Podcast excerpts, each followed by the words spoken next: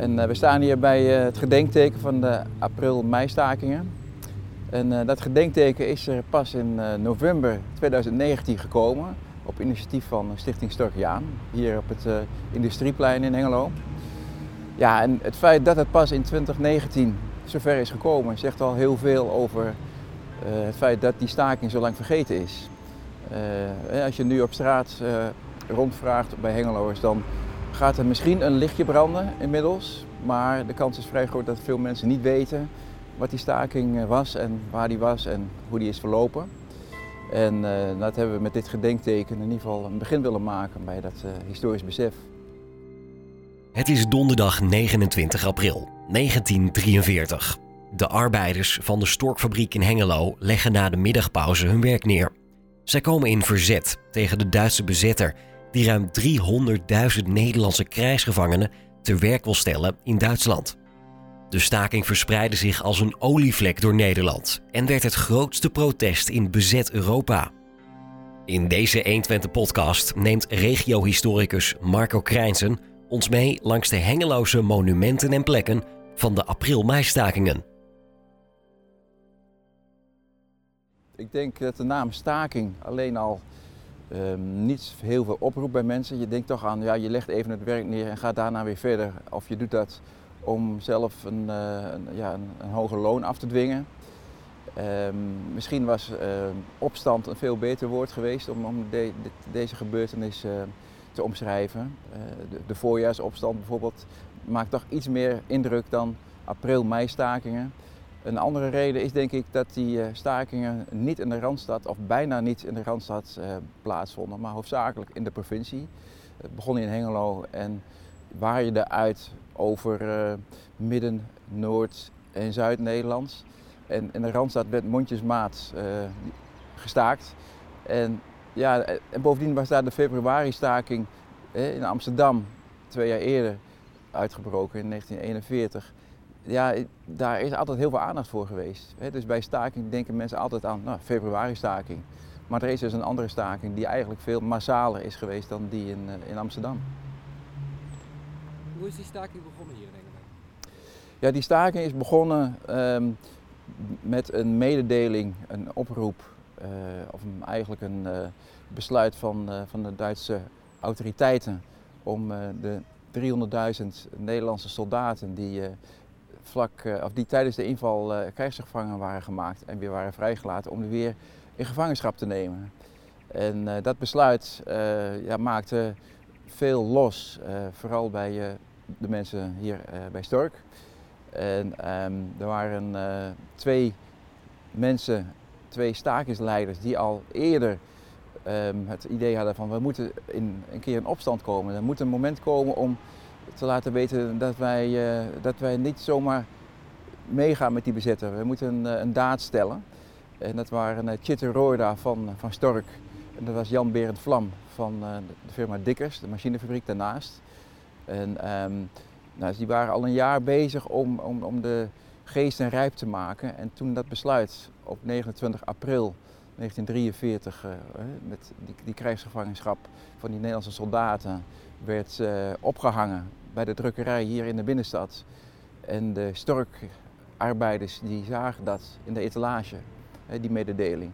Ja, toen, toen was het moment om in actie te komen. Eigenlijk uh, is, is die dag uh, vooral de Chitterorda heel actief geweest. Uh, en ehm, er was eigenlijk, je moet je voorstellen, in die tijd gingen Storkianen en eigenlijk alle werknemers gingen in de middagpauze naar huis om warm te eten. En um, in die middagpauze, toen ze weer terugkwamen, of ook toen ze eerst naar huis gingen, zagen ze die mededeling. Dus ze kwamen weer terug op de fabriek na de lunchpauze, na, na het eten. En uh, ja, dan praat je met elkaar en dan heb je het over die mededeling. En, uh, en toen ontstond het idee van, nou nu, nu gaan we het werk neerleggen. En die Chitter Roda, die heeft daar ook die dag een hele actieve rol in gespeeld. Hij is langs de verschillende afdelingen gefietst, want ja, al die fabrieken staan natuurlijk best wel een, stukje van elkaar. Dus uh, hij heeft de, de, boel nog eens verder opgestookt. En ja, vanaf dat moment uh, lag Stork plat. En toen was de grote uitdaging om de rest van Nederland ook plat te krijgen. En uh, nou, in het gebouw hier achter mij Daar, eh, dat is het hoofdkantoor van Stork destijds geweest.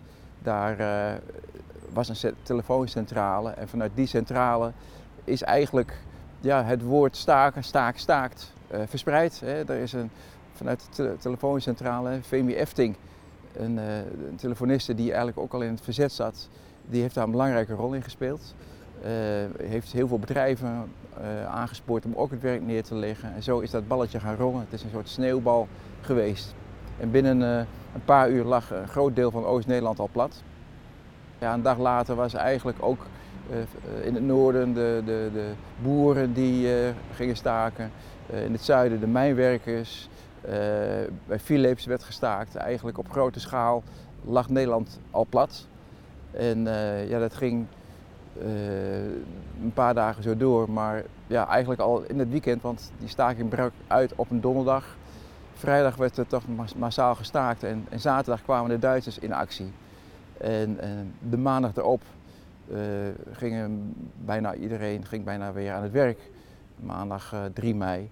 En eh, uiteindelijk eh, ja, verliep die staking zo 4 mei. Sommige bedrijven nog iets later, maar uiteindelijk eh, een aantal dagen later en ook vele slachtoffers later eh, was de staking beëindigd. Hoeveel slachtoffers?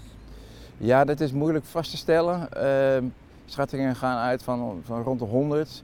Eh, en, maar dan moet je zeker eh, tientallen vermisten bij optellen.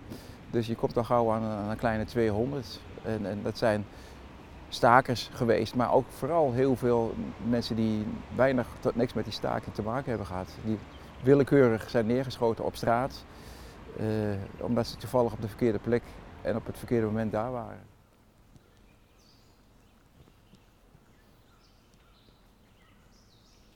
Ja, we staan hier in het fabriekstaatje van Stork.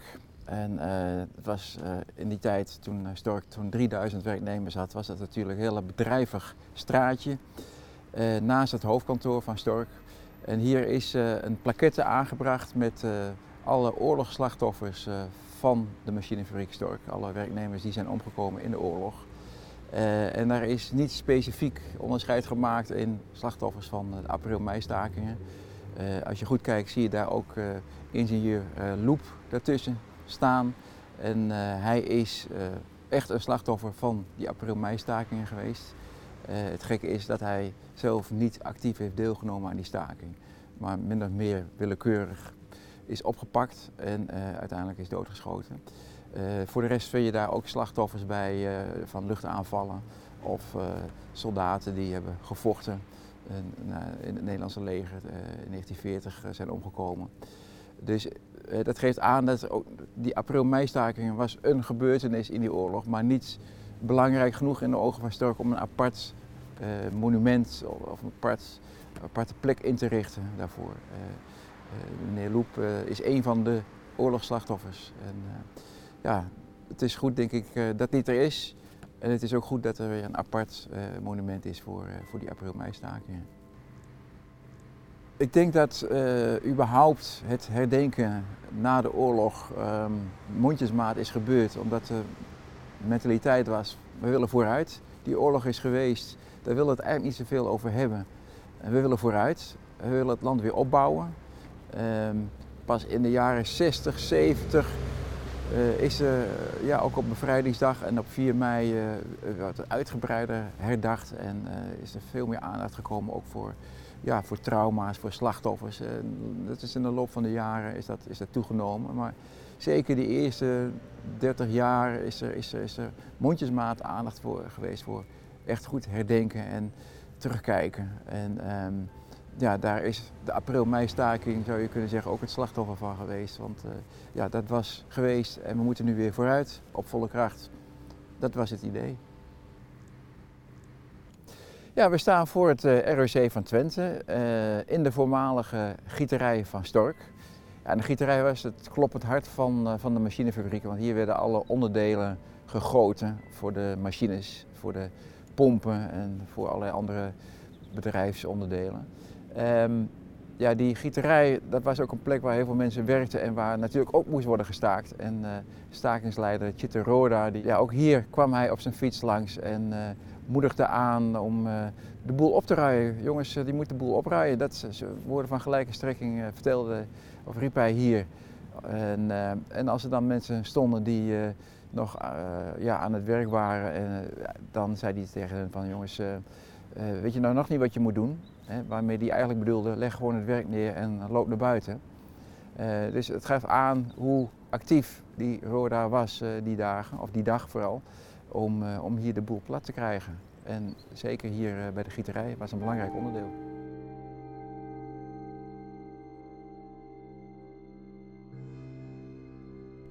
Ja, wat nu een parkeerplaats is, was in 1943 het Hijsgebouw. Ook een bedrijfsonderdeel van Stork. En uh, in dat hijsgebouw daar vond in, op 19 mei 1943 een uh, bijzondere bijeenkomst plaats. Zij is Inkwart, de hoogste vertegenwoordiger van Hitler in Nederland. In een massale bijeenkomst spreekt Rijkscommissaris, Rijksminister Dr. Zijs Inkwart tot duizenden Duitse en Nederlandse... Ik kwam hier op bezoek om een propaganda speech te houden. Uh, het was een heel duidelijke boodschap. Hè. Waarom kwam hij hier naar Hengelo en in een storkgebouw? Dat was maar om één reden. Om duidelijk te maken dat die staking die hier twee weken eerder was uitgebroken en uh, was uitgewaaid over de rest van Nederland, dat zoiets niet weer mocht plaatsvinden. Uh, bijzonder was ook dat die hal vol zat met, ja, met, met NSB'ers, met pro-Duitse aanhangers, ook met Duitse arbeiders. Er was bijna geen Storkiaan te bekennen. Het was echt een propagandabijeenkomst voor de bühne. En uh, ja, als je op YouTube kijkt, uh, zie je nog steeds uh, die speech van, van Cés Inkwart in een volle hijshal.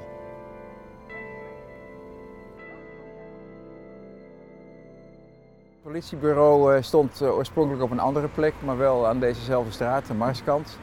En daarom is ook voor dit politiebureau een borstbeeld te zien van Frits Loep. En Loep was een ingenieur bij uh, Stork, slachtoffer van die uh, april-mei-stakingen.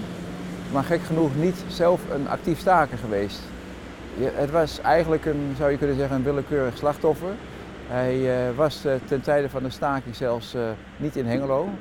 En um, is opgepakt op, op 4 mei, op het eind van die staking. En de Duitsers wilden heel duidelijk ja, maken dat nou, die staking echt niet kon. En um, hij is toen te dood veroordeeld um, via het standrecht. Nou, dat was natuurlijk geen eerlijk proces. En uh, op diezelfde 4 mei 1943 is hij dus uh, in een politiecel gezet. Hier aan de Marskant, in het voormalige politiebureau, hier aan de overkant. En um, ja, hij was overtuigd van zijn onschuld en dat was niet helemaal onlogisch, want hij was, uh, ja, hij was ook niet een actief staker, hij was ook niet stakingsleider geweest, want daar werd hij van beschuldigd dat hij die staking uh, had opgezet. En uh, uiteindelijk is hij op 4 mei meegenomen uit dat politiebureau en iets buiten Hengelo, waarschijnlijk ja, in, ergens in de Twikkelse bossen, is hij geëxecuteerd, gefusilleerd. En helaas is zijn lichaam nooit teruggevonden.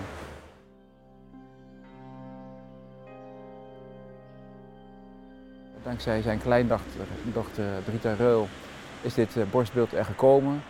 En, uh, nou, het, is een, het is een mooi eerbetoon aan iemand die ja, door de Duitsers uh, is opgepakt en als een soort vergelding is, is neergeschoten. Maar het beeld kijkt als het ware naar het oude politiebureau. Ja, het, het oude politiebureau stond aan, aan de overkant. En het verhaal gaat ook dat, dat er zelfs een, een, een politieman die uh, ook wel aan de goede kant stond, nog uh, een raampje heeft opengelaten. Waardoor hij zou kunnen ontsnappen, maar dat hij daarvan geen gebruik heeft gemaakt. Omdat hij overtuigd was van zijn eigen onschuld. Ja, als dat waar is, is dat natuurlijk helemaal dramatisch. En, ja, dat, is een, het, is een, het is een donker verhaal. Wel helaas een van de vele slachtoffers. Dus heeft elk slachtoffer natuurlijk zijn verhaal. Uh, van die april-mei-stakingen.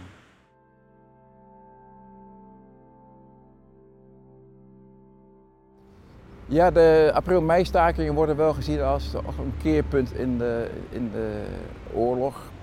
Um, voor het eerst waren mensen echt massaal opgestaan tegen de bezetter.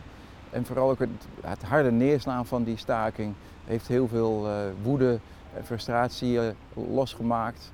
En ehm, wat je ziet is dus na, na, die gebeurtenis dat de bereidheid om ja, in verzet te komen, om onderduikers op te nemen, om illegaal werk te doen, is toegenomen. En uh, het heeft wel iets gedaan met de mensen. En waarom is het belangrijk dat we er vandaag over praten? Ja, omdat het, het, het bijzondere en ook wel het mooie, hè, ondanks alle ellende, is toch wel dat het eigenlijk begint bij een heel klein groepje mensen. Hè. De, de, de, slogan is, er hoeft er maar één te beginnen. Er is één iemand die opstaat. Nou, nu waren het er twee die, uh, ja, zou je kunnen zeggen, als stakersleiders opstonden en probeerden de geesten rijp te maken. En uiteindelijk kregen die meer mensen achter zich. En het begint met één bedrijf. Hè. En vervolgens zijn het twee bedrijven en drie bedrijven. En zo breidt het zich tot een olievlek uit. En op het moment dat je uh, opkomt tegen onrecht, hè, en, en, dat onrecht is er tot op de dag van vandaag, kijk maar naar de oorlog in de Oekraïne, ja, dan uh, is het mooi om te zien dat als er één man opstaat of één vrouw opstaat, dat je toch iets kunt bereiken. En, en dat er toch iets gebeurt en dat je heel veel mensen mee kunt krijgen.